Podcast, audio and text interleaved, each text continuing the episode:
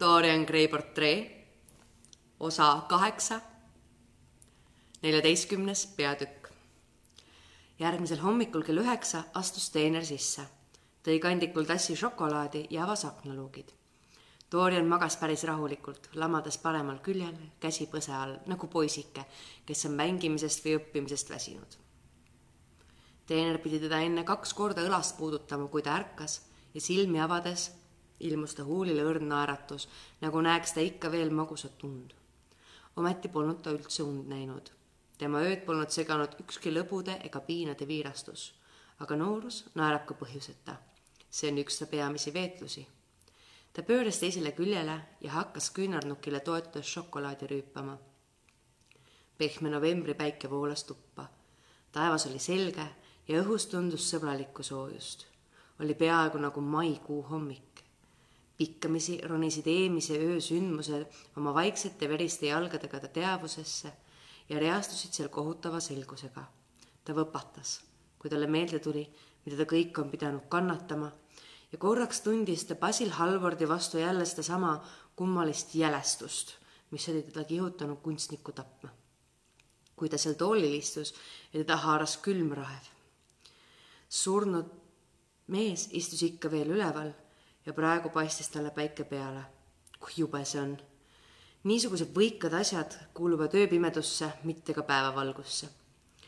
ta tundis, et kui ta veel kauem oma läbielamiste üle mõtteid haub, läheb tal süda pahaks või mõistus segi. ta teadis, et on patte, mille võlu seisneb pigem nende meenutamises kui nende tegemises. on imelikke võite, mis rahuldavad rohkem uhkust kui ihasid ja sünnitavad teritatud intellektuaalset rõõmu see aga on suurem kui ükski rõõm, mida patt meeltele pakub või iial pakkuda suudab. kuid see tegu ei kuulunud nende hulka. see oli midagi, mis tuli hingest peletada, mooniseemnetega uimastada või ära kägistada, et ta sind ennast ära ei kägistaks. kui kell lõi pool kümme, tõmbas ta peoga üle otsaisise ja tõusis ruttu üles. riietus veelgi suurema hoolega kui tavaliselt, pannes suurt rõhku kaelasidame ja nõelavalikule ning vahetas sõrmusid enam kui üks kord samuti veetis ta tükk aega hommikuainet süües, maitses mitmeid roogi, rääkis teenriga uutest livreedest, mida tahtis Selvi teenijaskonnale teha lasta ja vaatas kirjad läbi. mõned panid ta muigama. kolm olid äärmiselt tüütavad. ühte luges ta mitu korda ja rebis siis puruks, näol kerge meelepaha ilme. mis kole asi on see naiste mälu, nagu lord Henry kunagi ütles. ta jõi ära tassi musta kohvi pühkis siis pikkamisi salvrätiku huuli, laskis, käskis toapoisil oodata, istus laua taha ja kirjutas kaks kirja. ühe pistis ta tasku, teise andis teenri kätte. viige see Hertford Streetile number sada viiskümmend kaks, Francis. ja kui Mr Campbell on ära sõitnud, siis paluge ta praegune aadress. niipea kui ta üksi jäi, süütas ta sigareti ja hakkas paberitükile kritseldama. algul lilli ja arhitektuurilisi detaile pärast aga inimnägusid. äkki märkas ta, et igal joonistatud näol on mingi uskumatu sarnasus Basil Halvordiga. ta kortsutas kulmu, tõusis üles ja läks raamaturiiuli juurde, kust võttis huupi mingi köite. ta oli kindlalt otsustanud toimunud sündmus, sündmusele mitte mõelda, enne kui see tingimata tarvilikuks osutub. sohvale pikali heitnud, vaatas ta raamatu tiitellehte. see oli Gautier Emeutega Emö et Gamees, Charpentier, Jaapani paberile trükitud väljaanne Jacques Marti gravüüridega. köide oli sidrunlohel rohelisest nahast, kuldvõrelise mustriga ehitud ja granaattuntega tipitud. selle oli talle kinkinud Adrian Singleton. raamatut lehitsedes langes ta pilk luuletusele Lasseneeri käest, külmast kollasest fauni sõrmedega käest Du supplice encore malave, millel kasvavad tihad, tihedad punased karvad. ta vaatas omaenda valgeid peenotsalisi sõrmi ja kerge judin jooksis tal üle keha. ta lehitses edasi, kuni jõudis järgmiste ilusate salmideni Veneetsiast. Sur une cam chromatique, le sein de perle russelant, la venue de la trit Tiak Sort de lu son corps rose et blanc, les dames sur l'azur de ondée, suivant la phrase au pur contour, s'enflent comme des corgues rondes, que soulevait un soupir d'amour. L'esquif aborde et me déposait, jetant son amar au pilier, devant une façade rose, sur le marbre d'un escalier.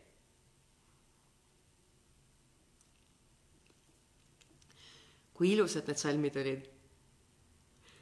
Neid lugedes tundus, nagu liugleksid ise mööda rohelisi veeteid läbi heleroosa pärlandava linna, istudes hõbedase nina ja lehvitavate eesriietega mustas konglis.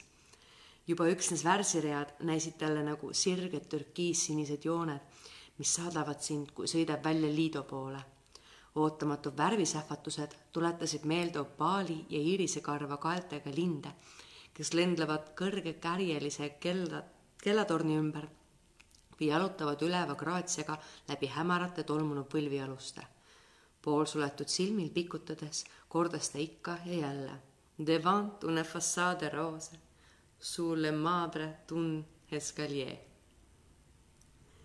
Neis kahes reas oli kogu Veneetsia. Ta mäletas seal veedetud sügist ja imelist armastust, mis oli teda kannustanud hulludele vaimustavatele tegu, tempudele. romantikat leidub igas paigas aga Veneetsia, nagu Oxfordki, on säilitanud romantilise üldfooni ja tõelise romantika jaoks on foon peaaegu kõik. Basil oli tol korral olnud osa aega temaga koos ja oli veel Tintoretto pärast aru kaotanud. vaene Basil, kui jube lõpp teda ootas. ta ohkas, võttis uuesti raamatu kätte ja püüdis unustada. ta luges pääsukestest, kes lendlevad sisse ja välja väikeses Smürna kohvikus kus palverändajad merevaigust helmeid loendavad ja turbanitest kaupmehed oma pikki ehitud piipe suitsetades tõsiselt vestlevad. ta luges Concordi väljaku obeliskist, mis oma üksildases päikeseta maapaos nutab graniitpisaraid ja igatseb tagasi lootustega kaetud kuuma niiluse juurde, kus on sfinksid, roospunased iibised, valged kuldsete küünistega raisakullid ja väikeste perüllsilmadega krokodillid, kes roomavad rohelises auravas mudas ta mõtted pöördusid salmide juurde, mis saavad oma muusika laiguliseks suudeldud marmorilt ja jutustavad sellest kummalisest raidkujust, mida Gautier võrdleb kontraldiga, kütkestavast monstrumist, mis lesib Luuri porfüürsaalis. kuid natukese aja pärast langes raamat tal käest. Ta muutus närviliseks ja järsku valdas teda õudne hirmusööst. mis siis, kui Alan Campbelli poeg äkki polegi Inglismaal? võib mööduda päevi, enne kui ta tagasi tuleb. võib-olla keeldub ta tulemast mis ta siis peale hakkab? iga silmapilk oli, on äärmiselt tähtis. omal ajal, aastat viis tagasi, olid nad olnud suured sõbrad, jah, peaaegu lahutamatud. siis oli nende sõprus äkki otsa lõppenud. kui nad nüüd seltskonnas kohtusid, naeratas ainult Dorian Gray. Alan Campbell ei teinud seda, seda kunagi. ta oli äärmiselt arukas noor mees, kuigi tal kujutavast kunstist suurem arusaamine puudus. kõik oma sellealased teadmised oli ta saanud Dorianilt ta põhiliseks intellektuaalseks kireks oli teadus. Cambridge'is oli ta suurema osa ajast kulutanud laboratooriumis ja oli loodusteaduste alal üks oma kursuse välja silmapaistvamaid lõpetajaid. Nüüdki pühendus ta ikka veel keemiale ja tal oli oma laboratoorium, kus ta veetis terveid päevi, pahandades sellega tõsiselt oma ema, kes oleks kõigest hingest tahtnud teda näha parlamendis ja kes hämaralt oletas, et keemik on ainult apteeker, kes retseptide järgi rohtusid valmistab peale selle oli Campbell suurepärane muusikamees, mängides nii viiulit kui klaverit paremini kui enamik asjaarmastajaid. just muusika oligi see, mis teda ja Dorian Gray'd alguses lähendas. Muusika ja see seletamatu külgetõmbejõud, mida Dorian alati kasutada oskas, kui aga tahtis. ja mis tegelikult avaldus sageli ka ilma tema teadmata esimest korda kohtusid nad Lady Berkshire'i juures tol õhtul, kui Rubinstein seal mängis ja pärast seda nähti neid alati üheskoos ooperis ja kõikjal, kus tehti head muusikat. Nende lähedus kestis poolteist aastat. Campbell viibis ala lõpmata Selby Royalis või Grosvenor Square'il, nagu paljude teistegi jaoks, nii kehastas Dorian Gray ka tema jaoks kõike seda, mis on elus imelist ja ihaldusväärset. kas nad olid tülli läinud või mitte, seda ei saanud iial keegi teada aga äkki pandi tähele, et nad kohtudes veel vaevalt mõne sõna vahetasid ja Campbell alati aegsasti lahkus igast seltskonnast, kus viibis Dorian Gray. lisaks sellele oli ta muutunud, oli aeg-ajalt imelikult nukker. Neis muusika kuulamist peaaegu põlgavat ega tahtnud ka ise enam kunagi mängida ja kui teda paluti, siis vabandas ta end teadusega, millesse ta olevat niivõrd süvenenud, et see ei andnud talle mahtigi harjutamiseks. ja kahtlemata oligi see tõsi. päev-päevalt näis bioloogia teda üha rohkem huvitavat ja paaril korral viisatas ta nimi teaduslikes ajakirjades seoses teatavate ebatavaliste eksperimentidega. seda meest Dorian Gray nüüd ootaski. iga silmapilk vaatas ta kella. Minutid möödusid ja ta erutus kasvas viimaks tõusis ta ja hakkas edasi-tagasi käima nagu ilus puuriloom. ta samm oli pikk ja varglik, ta käed olid imelikult külmad. ootamine muutus väljakannatamatuks. aeg näis tigusammul venivat, samal ajal kui mõni pöörane tuul tõukas teda kuhugi musta kuristikku või sügaviku hambulise serva poole. ta teadis, mis teda seal ootab, juba nägigi ta seda ja värisedes surus ta higiste kätega palavaid lauge, nagu oleks ta tahtnud röövida ajult endalt nägemisvõime ja vajutades silmamunad sügavale silmakoopasse. asjata. ajul oli oma toit, millega ta end nuumas ja kujutlusvõime, mille hirm groteskseks muutis, mida valu vintsutas ja moonutas nagu elavat olendit, tantsis nagu rõve nukk laval ja irvitas läbi liikuvate maskide. äkki jäi aeg tema jaoks seisma see pime, aeglaselt hingav loom ei roomanud enam ja hirmsad mõtted tormasid üle surnud aja edasi, kiskusid võika tuleviku hauast ja näitasid seda talle. ta vahtis seda pärani silmi ja kivistus vaatepildi õudusest. viimaks ometi avanes uks ja teener astus sisse. Dorian vaatas teda klaasistunud ping-, pilgul. Mr Campbell, söör, ütles teener. kergendus uhe pääses kuivanud huulilt ja veri valgus uuesti näkku paluge ta kohe Freit sisse, Francis. Dorian tundis, et ta on jälle tema ise. arguse hetk oli möödas. teener kummardas ja lahkus. mõne silmapilgu pärast astus Alan Campbell sisse, väga tõsine ja kahvatu, kusjuures ta kahvatust rõhutasid veelgi ta süsimustad juuksed ja tumedad kulmud. väga lahke teist, Alan, tänan, et te tulite ma olin otsustanud mitte iial enam jalgale teie läveda, Sir Gray, aga te ütlesite, et see on elu ja surma küsimus ta hääl oli karm ja külm. ta rääkis kaalutletud aeglusega. terases uurivas pilgus, millega ta Toorini jälgis, oli tunda põlgust. ta hoidis käsi karakul mantli taskus ja paistis, nagu ei oleks ta üldse tähelegi pannud liigutust, millega teda tervitati. jah, see lugu on elu ja surma küsimus, Alan, rohkem kui ühele inimesele. istuge. Campbell istus laua ääres olevale toolile ja Dorian seadis end tema vastu Nende pilgud kohtusid. Dorini pilgus oli lõpmata sügavat kaastunnet. ta teadis, et see, mida ta teha kavatseb, on hirmus. pärast pingelist vaikushetke küünitas ta lähemale ja ütles õige vaikselt, kuid iga sõna oma mõju Campbelli näol hoolega jälgides. Alan, selle maja ülemise korruse toas, lukustatud ukse taga, kuhu keegi peale minu ei pääse, istub laua ääres surnud mees ta on nüüd juba kümme tundi surnud. ärge liigutage ja ärge mind niimoodi vaadake. kes see mees on, miks ta suri ja kuidas ta suri, on küsimus, mis teisse ei puutu. Teie ülesandeks oleks aga, aitab Gray, ma ei taha midagi rohkem teada. mind ei huvita, kas see, mida te mulle rääkisite, on tõsi või mitte. ma keeldun kategooriliselt end teie ellu segamast. hoidke oma õudsed saladused endale, need ei huvita mind enam põrmugi. Alan, need peavad teid huvitama vähemalt see peab teid huvitama. mul on teist väga kahju, Helen, aga ma ei saa midagi sinna parata, teie olete ainus inimene, kes võib mind päästa. ma pean teid asjaoludega tutvustama, mul pole valikut, Helen.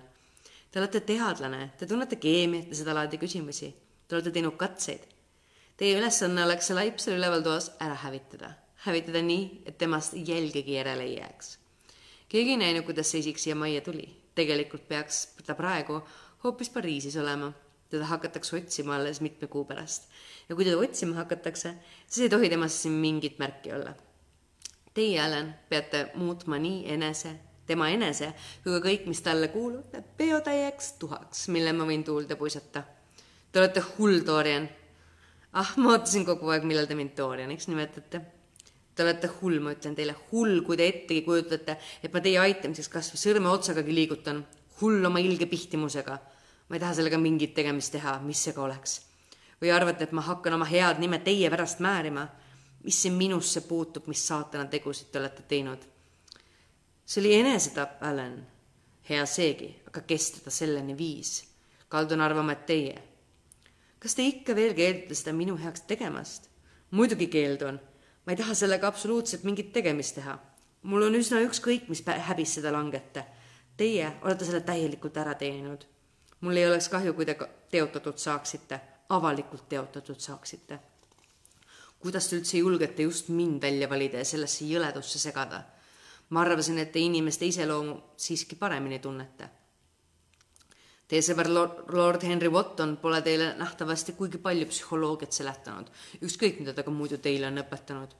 ükski vägi ei sunni mind teie heaks sõrmegi liigutama. Te olete vale mehe peale sattunud. Minge mõne oma sõbra juurde, minu poole ärge pöörduge. Alan, see oli mõrv, mina tapsin ta. Teie ei tea, kui palju ma tema pärast kannatama pidin. missugune mu elu ka ei oleks, see mees oli ta viltu minekus rohkem süüdi kui vaene Harry ta võib-olla ei kavatsenud seda, aga tulemus oli ometi sama. mõrv, armuline jumal, Dorian, olete siis omadega juba nii kaugel? mina teid üles andma ei hakka, see pole minu asi. Pealegi arreteeritakse teid niikuinii ilma, et mina vahele segaksin. iga kurjategija teeb alati mingi rumala vea, aga mina ei taha sellega mingit tegemist teha. ometi tuleb teil sellega tegemist teha. oodake, oodake üks hetk, kuulake mind, kuulake ainult, Helen ma ei palu teilt muud, Alan, kui sooritada teatav teaduslik eksperiment. Te ju käite haiglates, surnukuurdes ja need koledused, mida te seal teete, ei liiguta teid. Kui te leiaksite selle mehe lamamas mõne jälgi lahkamiskambri või haisva laboratooriumi tinalaual, milles on punased rennid, et veri saaks ära voolata, siis näeksite temas ainult suurepärast uurimisobjekti. Te ei liigutaks kulmugi ja enda meelest ei teeks te midagi halba vastupidi, vistitsi näiks teile, et toote maailmale kasu või suurendate inimsoo teadmiste hulka, rahuldate oma intellektuaalset uudishimu või midagi selle taolist. ma ei soovi teilt midagi muud kui seda, mida te olete sageli varemgi teinud. Tõepoolest, laeva hävitamine ei tohiks olla hoopiski nii õudne kui mõnigi asi, mida te olete harjunud tegema. ja pidage meeles, on ainus asi teen minu vastu. kui see leitakse, olen kadunud ja ta leitakse kindlasti, kui ta mind ei aita mul pole vähimatki soovi teid aidata, te unustate selle. mul on kogu see asi lihtsalt ükskõik, see ei puutu minusse. Alan, ma palun teid, mõelge minu olukorra peale. just enne teie tulekut pidin ma hirmu pärast minestama. Kunagi saate ehk ka ise tunda, mida tähendab hirm, aga ei, ärge selle peale mõelge. võtke seda asja ainult teaduslikust seisukohast. Te ei päri ju, kust need laibad tulevad, millega te katseid teete. ärge siis praegu ka pärige ma olen sellest juba niigi liiga palju rääkinud, aga ma palun, tehke seda. ükskord olime me sõbrad, Alan. Nendest aegadest pole teil vaja rääkida, Dorian, need ajad on surnud. Vahel jäävad surnudki alles, see mees seal üleval toas ei taha ära minna. istub laua ääres pealongus, käed välja sirutatud. Alan, Alan, kui te mind ei aita, olen ma kadunud. mind puuakse üles. Alan, kas te mõistate? meid puuakse selle teo eest üles seda stseeni pole enam mõtet jätkata. ma keeldun kategooriliselt selles küsimuses midagi tegemast.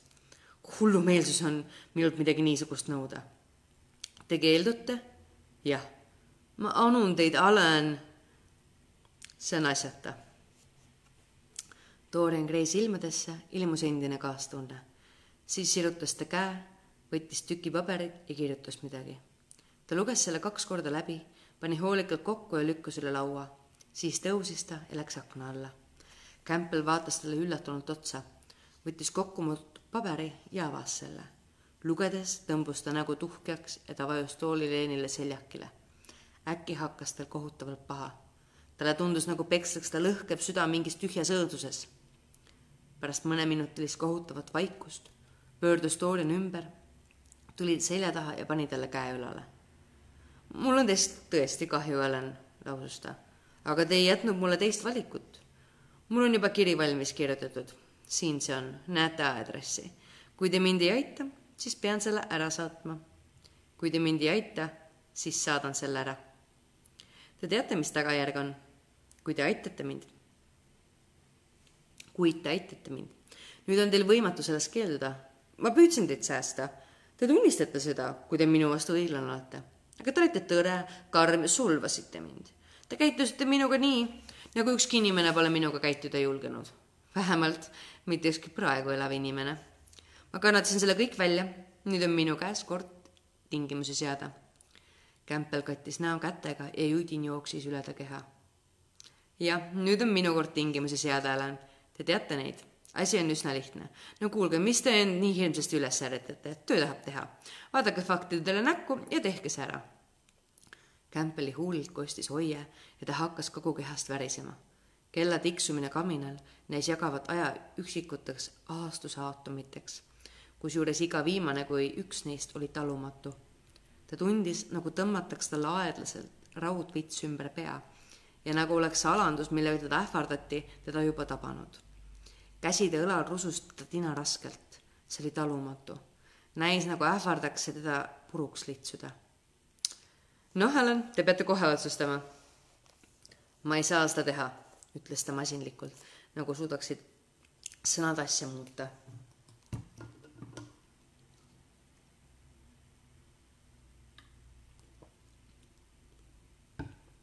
Te peate, teil pole valikut, ärge viivitage. ta kõhkles silmapilgu. kas üleval toas on tuld? jah, seal on gaasituli. ma pean koju minema ja laboratooriumist mõned asjad tooma ei ole, te lahkusite majast. võtke tükk paberit ja kirjutage, mida te vajate. minu teener võtab vormimehe ja läheb, toob need asjad teile ära. Kritsel-, kriipseldas paar rida ja kuivatas need, adresseerides siis ümbriku oma abilisele. Dorian võttis sedeli ja luges selle hoolega läbi, siis helistas ta kella ja andis kirja teenrile, käskides teda saat-, saadud asjadega võimalikult ruttu tagasi tulla. kui halli uks kinni langes, põpetas Campbell närviliselt tõusis toolilt ja läks kamina juurde. ta vappus nagu ägedas palavikus. peaaegu kahekümne minuti vältel ei teinud kumbki suud lahti. kärbes lendas valjul suminal toas ringi ja kella tiksumine kostis vasaralöökidena. Kui kell lõi üks, pöördus Kämpel ümber ja Toorenile otsa vaadates märkas ta, et ta silmad on pisaras. selle kurva näo puhtuses ja selguses oli midagi, mis teda meeletult ärritaks Te olete alatu, ääretult alatu, pomises ta. ei maksa, Helen, te päästsite mu elu, ütles Dorian. Teie elu, püha taevas, mis elu see on? Te langesite järjest madalamale ja jõudsite nüüd lõpuks kuriteoni välja. Kui ma teen seda, mida ma teha kavatsen ja mida te mind tegema sunnite, siis ei mõtle ma sealjuures teie elu peale.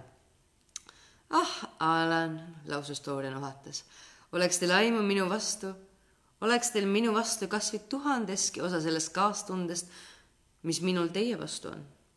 rääkides pöördus ta kõrvale ja vaatas välja aeda. Kämpel ei vastanud. umbes kümne minuti pärast koputati uksele ja teener astus sisse, kandes mahukat mahagonipuust kemikaalide kasti, suurt terase plaatina traadirulli ja kaht üsna veidra kujuga raudklambrit. kas ma jätan kõik need asjad siia, sir? küsis ta Campbellilt jah, vastas Dorian, aga kahjuks peame teid veel välja saatma, Francis. kuidas selle mehe nimi on, kes Richmondis selbit orhideedega varustab? Harden, sir. Jah, Harden, teil tuleb kohe Richmondi sõita ja talle isiklikult ütelda, et ta saadaks mulle kaks korda rohkem orhideesid, kui ma tellisin ja paneks nii vähe valgeid öisi kui võimalik. tegelikult ma valgeid üldse ei tahagi. täna on ilus ilm ja Richmond on kena paik. muidu poleks ma teid sellega tülitanud, Francis mis tüli see on, söör, mis ajaks ma pean tagasi olema? Dorian vaatas Alani poole. kui kaua teie katse aega võtab? vast küsis ta külmal, hooletul toonil. Kolmanda isiku toas viibimine näis talle erakordselt julgust andvat. Campbell kortsutas kulmu ja hammustas huult. see võtab umbes viis tundi, vastas ta. siis piisab, kui kella poole kaheksast tagasi olete Francis või oodake, pange mulle need asjad valmis, et saaksin ümber riietuda, siis võite ennast õhtupoolikuks vabaks võtta. ma ei söö kodus lõunat, nii et mul ei lähe teid vaja. tänan teid, söör, ütles teener ja väljus toast. Allan, nüüd ei või enam ühtegi hetke raisata. kui raske see kast on? ma kannan selle teile üles, te ise võtke ülejäänud asjad. ta rääkis kärsitult ja käskival toonil Campbell tundis end käsualusena. üheskoos lahkusid nad ruumist. kui nad trepist üles jõudsid, võttis Dorian taskust võtme ja pööras seda lukus ringi. siis peatus ta ja ta silmadesse tuli rõhutatud vaade. ta hakkas värisema. Ma ei, ma, ei suuda vist sisse minna. ma ei suuda vist sisse minna, Allan, lausus ta. mul on see ükskõik, mul pole teid vaja, ütles Campbell kulma, külmalt. Dorian lükkas ukse poolenisti lahti. seda tehes nägi ta oma portreed päikesepaistel irvitamas. selle ees põrandal lebas katki rebitud eesriie. talle tuli meelde, et möödunud ööl oli ta esimest korda elus unustanud saatusliku lõuendi katmata ja ta tahtis juba sisse tormata, kuid põrkas võpatades tagasi. mis ilge punane laik see oli, mis läikis märjalt ja eredalt portree käel, nagu oleks lõuend verd histanud.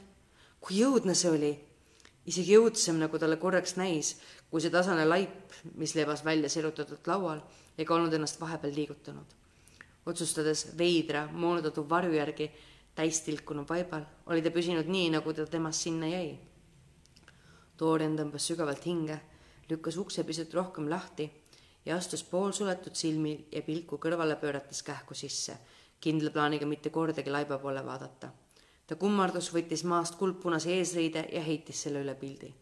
siis seisatas ta, julgemata ümber pöörata ja ta pilk kiindus vaiba keerukasse mustrisse ta kuulis, kuidas Campbell kandis sisse raske kasti, rauad ja teised asjad, mida tal oma jubeda töö jaoks vaja läks. Ta arutas endamisi, kas Campbell on kunagi Basil Halvardiga kohtunud ja kui on, mida nad siis teineteisest olid arvanud. jätke mind nüüd üksi, ütles karm hääl ta selja taga. ta pöördus ümber ja tõttas välja, märgates vaid, et korjus oli seljakile toolile lükatud ja et Campbell vahtis ta kollaselt läikivasse näkku trepist alla minnes kuulis ta, kuidas uks lukku keerati. kell oli juba ammu seitse läbi, kui Campbell raamatukogu tuppa tuli.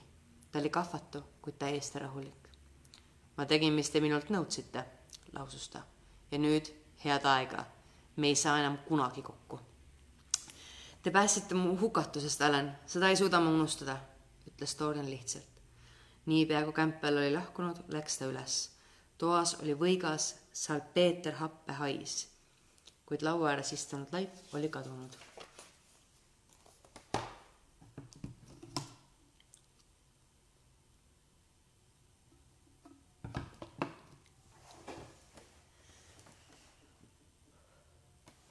Viieteistkümnes peatükk. samal õhtul kell pool üheksa astus Dorian Gray elegantselt riietatuna suur kimp parmakannikesi nööpaugus teenrite kummarduse saatel Lady Narborough võõraste tuppa erguta lauba taga tukslesid hullunult ja ta oli pööraselt erutatud, aga majaproua kätt suudeldes käitus ta niisama sundimatult nagu ja meeldivalt nagu alati. võib-olla näib inimese käitumine just siis kõige vabam, kui ta mõnda osa etendab. mitte keegi, kes tol õhtul Dorian Gray'd nägi, poleks tulnud mõttele, et ta on läbi elanud nii õudse tragöödia, nagu nüüdisaegne tragöödia üldse olla võib. Need kaunikujulised sõrmed ei saanud ju ometi iial nurjatu kavatsusega nuga haarata ega need naeratavad huuled teotada Jumalat ja voorust.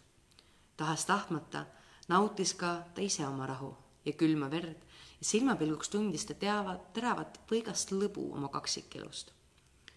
selle väikese seltskonna oli võrdlemisi ülepeakaela kokku kutsunud Lady Narborough, kes oli väga tark naine ja kelle välimuses, nagu lord Henry armastas öelda, oli säilinud tõepoolest silmapaistva inetuse jäänuseid ta oli otsu-, ta oli osutunud eeskujulikuks abikaasaks kõige igavamale saadikule, keda iial nähtud. ja pärast seda, kui ta oli oma mehe kombekalt matnud marmormausoleumi, mille ta ise oli kavandanud, ja tütred rikastele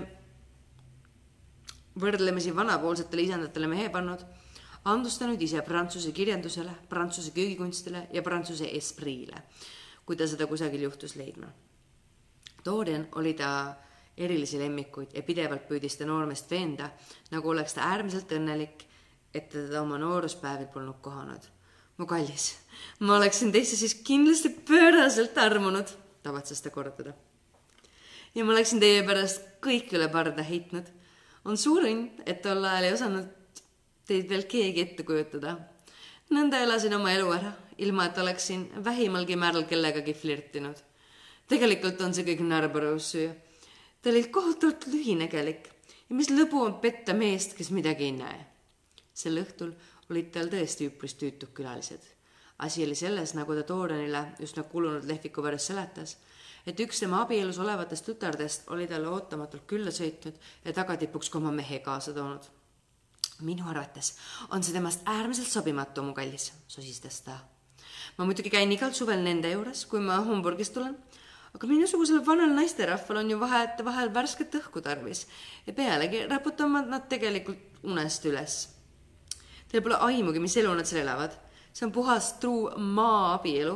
Nad tõusevad vara üles, sest neil on ju nii hirmus palju teha ja lähevad vara magama, sest neil on nii vähe mõelda. juba kuninganna Elizabethi ajast peale pole nende ümbruskonnas ainsatki vapustavat lugu juhtunud. ja selle tulemusena jäävad nad kõik kohe pärast õhtusööki magama ärge te nende kummagi juurde istuge, istuge minu kõrvale ja lõbustage mind. Dorian pomises peene komplimendi ja laskis pilgul toas ringi käia. jah, seltskond oli tõepoolest igav. kahte inimest polnud ta varem kunagi näinud ja ülejäänud seltskonna moodustasid Ernest Harroden, Londoni klubidele nii omane keskealine keskpärasus, kellel pole küll vaenlasi, aga keda ka sõbrad silma otsast ei salli. Lady Roxton, neljakümne seitsme aastane kongus näoga üles mukitud naine kes alati oma head nime määrida püüdis, aga kes oli sedavõrd lihtsakoeline, et keegi ta suureks pettumuseks temast midagi halba ei uskunud. Messis Erlin, pealetükkiv vaevustava pudikeele ja vena-, Veneetsia punaste juustega tühisus. Lady Alice Chapman, majaproua tütar, lohekalt riidetud tuim naine tüüpilise inglise näoga, mis pärast ühekordset kohtumist kohe meelest ära läheb. ja tema abikaasa, punase näo ja valge põskhabemega isand kes arvas nagu paljud teisedki tema klassi esindajad, et ülemäärase joviaalsusega saab korvata täielikku mõttelagedust. Toorinil oli päris kahju, et ta oli siia tulnud, kuni lõpuks Lady Narborough pilgu suurele pronksiga kullatud kellale heitis, mis oma labases toreduses kahvatu lillaga trapeeritud kaminariiulil ilutses ja ütles. kuidas see Henry Wotton ometi nii hiljaks jääb? saatsin talle igaks juhuks täna hommikul sõna ja ta lubas kindlasti, et ta mulle pettumust ei valmista Harry oodatav saabumine pakkus pisut lohutust ja kui uks avanes ja Dorian kuulis Lord Henry aeglast meloodilist häält, mis muutis veetlevaks ta ilmselt otsitud vaba, vabanduse, ei olnud tal enam igav. aga süüa ei suutnud ta lõunalauas küll midagi. roog roa järel viidi ära, ilma et ta neid maitsenud oleks. Lady Narborough noomis teda pidevalt. vaese Adolfo solvamise pärast, kes mõtles menüü välja eriti just teie jaoks ja vahetevahel vaatas ka lord Henry üle laua tema poole, imestades ta sõnakehvust ja hajameelsust. aeg-ajalt täitis teener ta klaasi vahuviin, vahuviinaga. ta jäi ahnelt, aga ta janu näis järjest kasvavat. Dorian, küsis lord Henry viimaks, kui juba metslinnu praadi pakuti. mis teiega täna õhtul on? Te näete väga halb välja mina arvan, et ta on armunud, hüüdis Lady Narborough. aga ta ei julge sellest mulle rääkida, sest ta kardab, et ma muutun armukõdedaks. tal on täiesti õigus, ma muutuksingi. kallis Lady Narborough, lausus Dorian naerdes. ma pole juba nädal otsa armunud olnud. tegelikult juba sellest saati, kui Madame de Ferrol ära sõitis. kuidas te mehed küll sellesse naisesse armuda võite, hüüdis vana daam. sellest mina igatahes aru ei saa lihtsalt sellepärast, et ta tuletab teile meelde neid aegu, kui teie alles väike tütarlaps olite, Lady Narborough, ütles lord Henry. ta on ühendavaks lüliks teie lühikeste kleitide ja meie vahel. teate, lord Henry, minu lühikesi kleite ta küll meelde ei tuleta, aga ma mäletan teda kolmekümne aastast Viinis, kui decollete ta siis oli. ta on ikka veel decollete, vastas lord Henry ja võttes oliivimarja oma pikkade sõrmede vahele ja kui tal hästi moodne kleit seljas on, siis näeb ta välja nagu mõne halva prantsuse romaani edition deluxe. ta on tõesti imetlusväärne daam, kes võib igal sammul üllatada. ta perekondlikud tunded on enneolemata võimsad. kui ta kolmas mees suri, läks ta juuk-, läksid ta juuksed murest lausa kuldseks. kuidas te ometi võite, Harry, hüüdis Dorian. see on väga romantiline seletus, naeris majaproua aga kuidas siis kolmas mees, lord Henry, ega te ometi öelda ei taha, et Ferrol on juba neljas? aga muidugi, Lady Narborough, seda ei usu ma elu ilmaski. eks küsige siis Mr Greylt, tema kuulub ta lähimate sõprade hulka. on see tõsi, Mr Grey? ta on seda ise mul, ta on ise seda mulle kinnitanud, ütles Dorian. küsisin ta käest, ega ta äkki Navarra Margariti kombel nende südameid siis seebalsameeri ja oma vöö külge ei riputa. Ta ütles, et ta ei saa seda teha, sest et neil kellelgi polevat südant olnud. neli meest, ausõna, see on drop de selle. Drop daudas, nagu ma teil talle ütlesin, tähendas Dorian oi-oi, julgust jätkub tal kõigeks, mu kallis. ja mis mees see Ferrel on, ma ei tunne teda. ilusate naiste mehed on kuritegelik element, ütles lord Henry veini maitstes. Lady Narborough nähvas teda lehvikuga. Lord Henry, mind tõesti ei üllata enam sugugi, kui terve maailm räägib, et te olete äärmiselt rikutud. aga missugune maailm seda räägib, küsis lord Henry kulme kergitades. see saab ainult hauatagune maailm olla. siinse maailmaga olen ma kõige paremas vahekorras. kõik, keda ma tunnen, räägivad, et te olete täiesti rikutud, hüüdis vanaproua pead raputades. korraks tegi lord Henry tõsise näo. see on lihtsalt pöörane, ütles ta viimaks. kuidas tänapäeval inimesed ringi käivad ja räägivad su selja taga asju, mis on täielikult ja absoluutselt õiged. eks ta ole lihtsalt parandamatu, hüüdis Dorian ettepoole kummardades. loodame jah vastas majaproua naerdes. aga kui te tõepoolest kõik nii naeruväärsel kombel madame de Ferrali jumaldate, siis pean ma uuesti mehele minema, et moega kaasas käia. Teie ei lähe enam kunagi mehele, Lady Narborough, ütles lord Henry vahele. Selleks olete te liiga õnnelik. kui naine uuesti abiellub, siis sellepärast, et ta oma esimest meest põlgas. kui mees uuesti abiellub, siis sellepärast, et ta oma esimest naist jumaldas. naised katsuvad õnne, mehed panevad selle kaalule Närbrõu polnud kaugeltki täiuslik, hüüdis vanaproua. kui ta seda oleks olnud, siis poleks teda armastanud, kallis leidi, kõlas vastus. naised armastavad meid meie puuduste pärast ja kui meil on neid piisavalt, siis annavad nad meile kõik andeks, isegi meie mõistuse. kardan, et selle jutu peale te mind küll enam lõunale ei kutsu, leidi Närbrõu, aga nii see siiski on. muidugi on see tõsi, lord Henry, kui meie naised teie teid teie puudutuse pärast ei armastaks, mis teist siis üldse saaks? ükski mees ei leiaks endale naist, oleksite kari õnnetuid vanapoisse. aga vaevalt see teid palju muudaks. tänapäeval elavad kõik abielumehed nagu poissmehed ja kõik poissmehed nagu abielumehed. Fin de siècle, lausus lord Henry. Fin du globe, vastas majaproua. parem oleks, kui see oleks fin du globe, ütles Dorian ohates. elu pole muud kui üks suur pettumus aga mu kallis, hüüdis Lady Narborough kindeid kätte tõmmates. ärge tulge mul ka rääkima, et olete juba elukarika tühjaks sammutanud.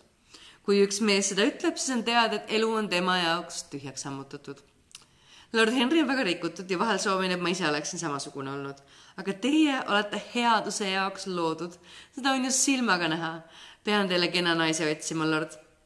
Lord Henry, kas te ei leia, et Mr Gray peaks abielluma?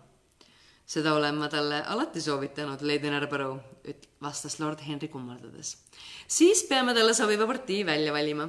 täna õhtul vaatan ma Debreti hoolega läbi ja kirjutan sealt kõik kõne alla tulevad noored daamid välja. Koos nende vanusega, Lady Narborough, küsis Dorian.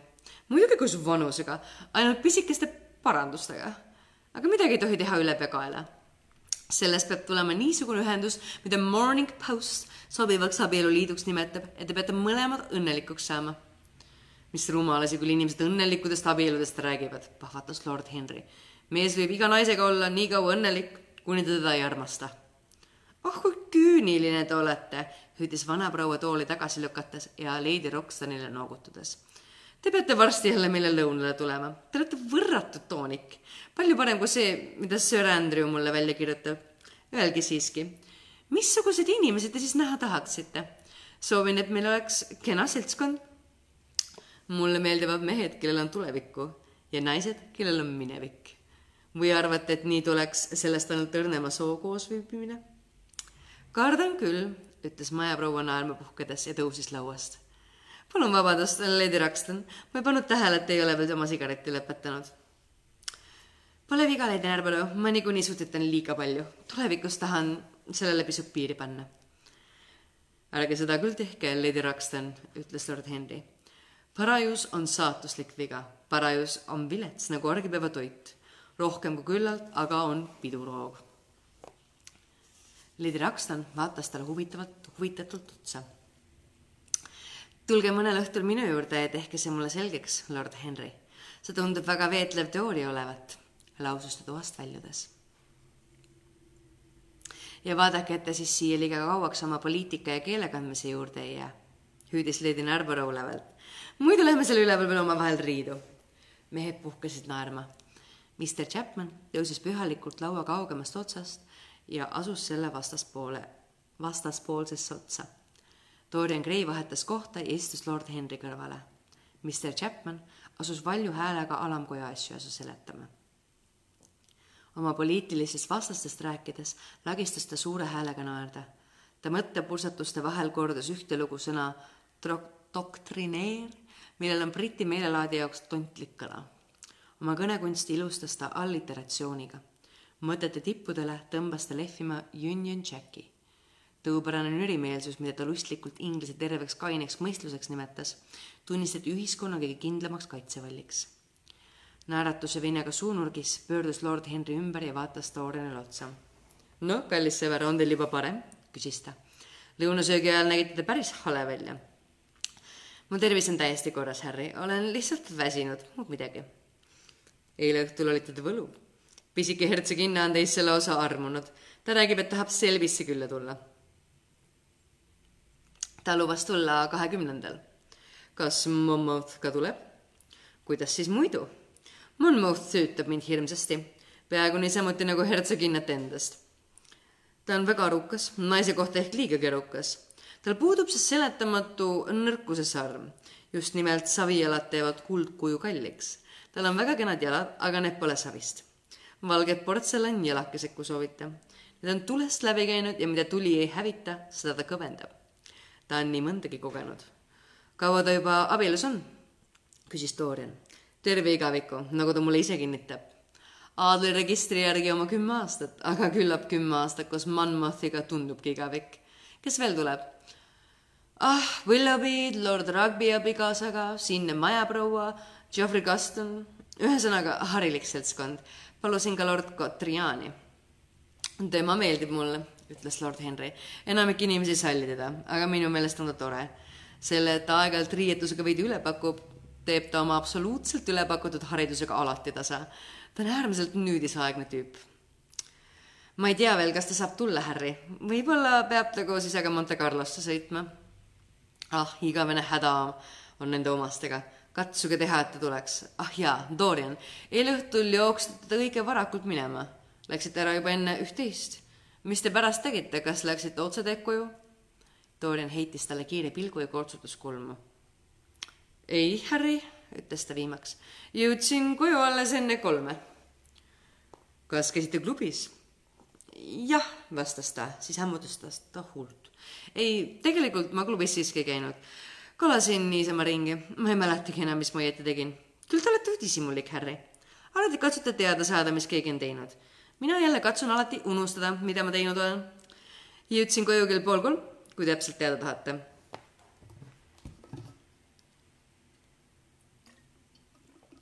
olin veel võtme koju unustanud ja teener pidi mind sisse laskma.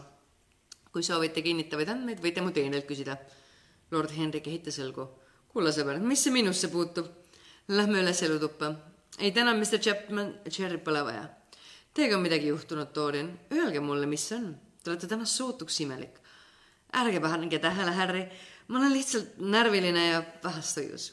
homme või ülehomme astun teie poole sisse vabandage mind Lady Närbrau ees, ma ei hakka üles tulema. Lähen koju, ma pean koju minema. hea küll, Dorian, julgen loota, et ma teid homme tee ajal näen, hertsoginna tuleb ka. katsun tulla, Harry, ütles ta toast väljudes. koduteel tundis ta, et hirm, millest ta enda meelest juba lahti oli saanud, valdab teda uuesti. Lord Henry täiesti juhusliku küsimuse peale oli ta hetkeks närvid kaotanud tervist Lord Henry täiesti juhusliku küsimuse peale oli ta hetkeks närvid kaotanud ja ometi läks tal närve veelgi vaja. ohtlikud esemed tuli hävitada. Ta võpatas. juba üksnes mõte, et ta peab neid puudutama, oli talumatu. ometi tuli see ära teha, see oli selge. ja kui ta oli raamatukogu ukse lukku keeranud, avastas salaurka, kuhu ta oli pistnud Basil Hallwardi mantli ja pauna. kaminas lõõmas hele tuli. ta pani veel ühe halu juurde. kõrbevate riiete ja põleva naha hais oli kohutav. kulus kolmveerand tundi, enne kui kõik oli hävitatud. teda valgas nõrkuse hoog. ta süda pööritas ja kui ta pilus, pilulises vasest söepannis südanud mõned Alžiiri lõhnaküünlad, pesi ta käsi ja laupa jaheda muskuse lõhnalise äädikaga. äkki ta võpetas silmadesse ilmus kummaline läige ja närviliselt pures ta alumist huult. kahe akna vahel seisis elevandiluust ja lasuurkivist kaunistustega suur eebenipuust Firenze kapp. ta silmitses seda nagu eset, mis ühtlasi võlub ja ajab ka hirmu peale, mis peidab enesest midagi, mida igatsed ja mida ka peaaegu nead. Ta hingamine kiirenes. teda valdas pöörane igatsus. ta süütas sigareti ja viskas selle jälle minema ta langetas laud, nii et pikad kaardunud ripsmed peaaegu puudutasid palet, aga ikka veel silmitses ta kappi.